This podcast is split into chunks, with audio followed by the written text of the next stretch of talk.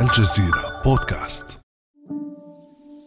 وسط غابة بلغراد الشاسعة الواقعة في الشمال الشرقي لإسطنبول يقف صحفي باحثا بخطوات بطيئة ومتأنية على دليل واحد يقوده إلى مفتاح يفك لغز الجريمة يسعى جاهدا وفريقه للبحث بين احتمالات عدة وفرضيات كثيرة عن مكان الجثة لعل ربما طرف خيط واحد يغلق قضية غامضة يرفض مجرموها الاعتراف بتفاصيلها.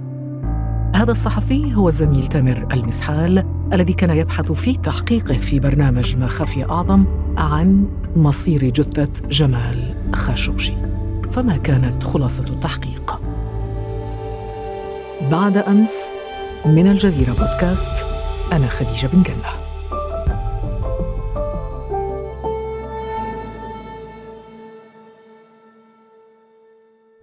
السلام عليكم. وعليكم السلام. أهلا يا. تامر. أهلا. الله يبارك وينك. من زمان؟ إحنا مشتاقين لك. الله يخليك. صار لي أشهر ما شفتك. إحنا ما خفي أعظم ففي الخفاء. يعطيك العافية. الله يسعدك. تامر نعود بك سنة إلى الوراء. ذاكرتك أوكي. جدا. ممتاز. الحمد لله. نبدأ إذا بالتحقيق.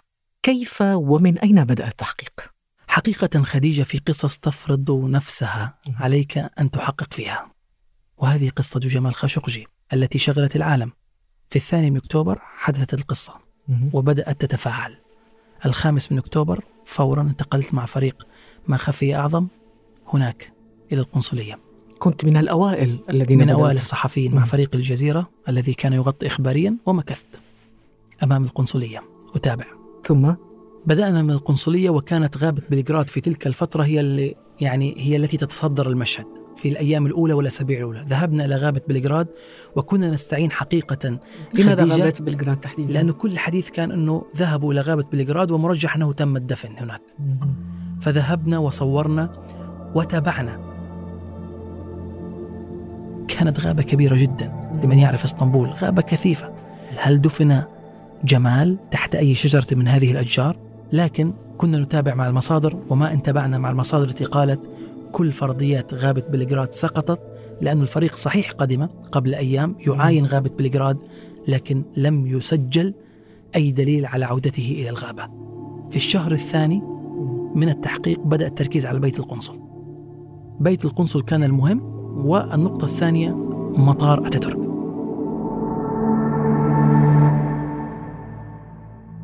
بعد ساعات قليلة من تنفيذ جريمة الاغتيال. في مطار أتاتورك تقترب سيارة سوداء تابعة للقنصلية السعودية من الطائرة الخاصة التي ستقل قائد فريق الاغتيال ماهر المطرب من الأراضي التركية. وبحدود الساعة السادسة والنصف تقلع الطائرة دون أن يتمكن الأمن التركي من تفتيشها ومعرفة ما إذا كانت تلك اللحظات هي التي تحمل الإجابة القاطعة حول تهريب أجزاء من الجثة خارج الأراضي التركية. طبعا مطار اسطنبول كان هناك لغط كبير حول ما جرى. حصلنا على وثائق التحقيقات التركية فيما يتعلق بمطار اسطنبول وماذا جرى في المطار. نعم. الثابت كان لدينا أن هناك طائرة الساعة السادسة والنصف نجحت بالخروج دون تفتيش والطائرة الثانية في حدود العاشرة مساء خرجت وفتشت كاملا. هل تم تهريب جثة خاشقجي عبر هذه الطائرة وأجزاء من الجثة محددة لكن كان هناك مؤشر مهم جدا خديجة أن الحقائب التي ظهرت في الفيديو المسرب لكاميرات المراقبة لبيت القنصل للأشخاص من فريق الاغتيال الذين حملوا أجزاء الجثة نعم. دخلت ولم تصدر أي مشاهد تقول أنها خرجت. إذا كان هناك نية للتهريب عبر الطائرات أنت يذهبوا من, من القنصلية مباشرة إلى المطار. إلى المطار. لماذا التوقف عند بيت القنصل وإدخال هذه الحقائب؟ إذا تركز البحث عند بيت القنصل وهذا البيت الذي أصبح الجميع يحقق في أي غرفة في أي زاوية. أين جسد جمال؟ أين الجثة؟ طيب يمكن يعني يكون دخل إلى بيت القنصل قطع دفن يعني في فرضيات أخرى. ما جرى خديجة أنه قمنا بالتحقيق في فرضيات عدة. ومع مرور الوقت بدأت الفرضيات تتساقط. موضوع البئر الذي تم الحديث عنه لم يجدوا أي أثار لجمال خاشقجي أو أثار دماء أو دي أن إيه أو ما شابه في البئر. كانت هناك فرضية الأسيد أو فرضية أخرى. قابلت خبيرا في الأسيد. وقال لي ليس من السهل أن تذيب إنسان في وقت قصير. بهذا الطول وبهذا الحجم. يحتاج إلى جهد كبير جدا وليس من السهل أن يتم التخلص من كافة أثار الأسيد والجسد داخل بيت. مع أنه وسائل الإعلام العالمية كله رجحت تحدث. نحن كنا أمام فرض رجحت فرضية التذويب أكثر. صحيح كانت فرضيات كثيرة. حقيقة خديجة تابعنا كل السيناريوهات. كنا نتابع التحقيقات التركية. كانت التحقيقات التركية تذهب إلى موضوع فرن مثير للشبهة. لماذا بحثنا في الفرن؟ واحد لأن السلطات التركية رصدت أنه بقي مشتعلا لثلاثة أيام وهذه معلومة مؤكدة. على فترات ليس ثلاثة أيام أيام على فترات- مشتعل. على فترات متع- متعددة. واو. النقطة الثانية في التحقيق التركي وهذه مصدر كشفناها وأنا قابلت عدد من المحققين الأتراك رفضوا الخروج أمام الكاميرا لكن تابعنا الفريق الذي دخل إلى بيت القنصل والقنصلية. رصدوا شراء كمية كبيرة من اللحم النيء. من أحد مطاعم إسطنبول في ذلك اليوم وجلبه إلى بيت القنصل. للتمويه. للتمويه. هناك أشياء حدثت في داخل هذا الفرن. تم تكسير بعض الأجزاء بعد استخدامه وتم رصده. حطينا فرضية الفرن وبلشنا نتابع. توصلنا إلى الشخص الذي قام ببناء هذا الفرن. لما شفت ال لما شفت القياسات قلت له يعني قلت له هذا مو فرن مندي هذا فرن ظهري يعني فرن قوي جدا. فغضب مني وقال لي أنت بتشتغل وما بتناقش. أنا قلت له بأمر خلص ما عدت بناقش مثل ما بدك بالنهاية أنا يعني عامل. بدي أشتغل وعايش هو لحد ما قبلناه وحصلنا على هذه الصور متفاجئ ومصدوم. مم. يتحمل درجة حرارة أكثر من ألف وهذه تكفي لصهر الطبيعي ماكسيمم 600 فأنت بتحكي عن 1000 1200 شيء كبير جدا مم. المواد اللي استخدمت كلها ليست لفرن عادي مهم. بالتأكيد نحن عندنا يعني مسارات مع- معايير غير طبعاً لم ومواصفات غير اعتيادية لم نسلم بهذه القصة مم. بل قمنا بعد الحصول على ترخيص بطائرة درون بتصوير بيت القنصل والتأكد من وجود آه، الفرن. هذه آه، هذا الفرن والمساحة والمكان حتى نتطابق ونكون وتأكدتم 100% بالمئة مم. بعد حوالي ستة أشهر أو أكثر بقليل خرج على الشاشة ما يؤكد تحقيق الجزيرة. تسربت التحقيقات التركية فيما يتعلق بالشخص الذي قام بإشعال الفرن وهو موظف لدى القنصلية.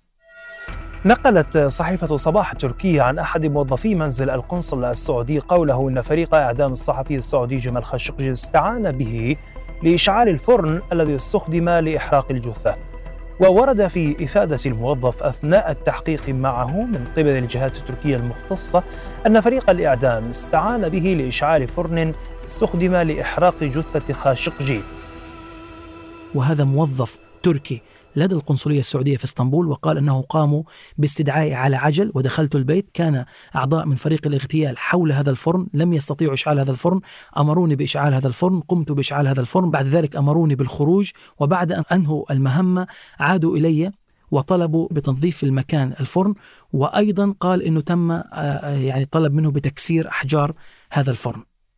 يعني أنت تعتقد أنه أنت بتحقيقك هذا أجبت على هذا السؤال أين الجثة؟ أحرقت الجثة ما خفي أعظم أقول أنه استطاع أن يقدم إجابة لم يقدمها الآخرون مهم. والأهم من ذلك أن هذه الإجابة هي الأكثر ترجيحا وواقعية بالنظر مش فقط لأنها قامت بها الجزيرة مم. بالنظر إلى التحقيقات التركية ولكنها ليست النهائية لم يخرج أي إشارة أو أي معلومة تنفي ما توصل إليه تحقيق الجزيرة. نحن قدمنا ما توصلنا إليه بكل مهنية وبكل موضوعية وهذا أخذ منا وقت ليس قصير حقيقة كم تقريبا؟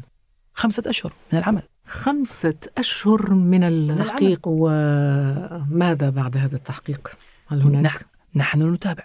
بالتأكيد هذه قضية حاضرة وطالما حققنا فيها السبق فنحن يعني المفترض فينا وهذا واجبنا أنه نستمر في متابعة هذه القضية ونقول يعني نستعد للرجوع إلى طبعا نحن و- بل بالعكس نحن عندنا مواد كثيرة نتابع وأي شيء يطرأ بالتأكيد سوف نتابع. هذه مهنتنا لأنه خديجة أنت بدأت منذ القصة. هذه القصة هي اللي جابتك للتحقيق.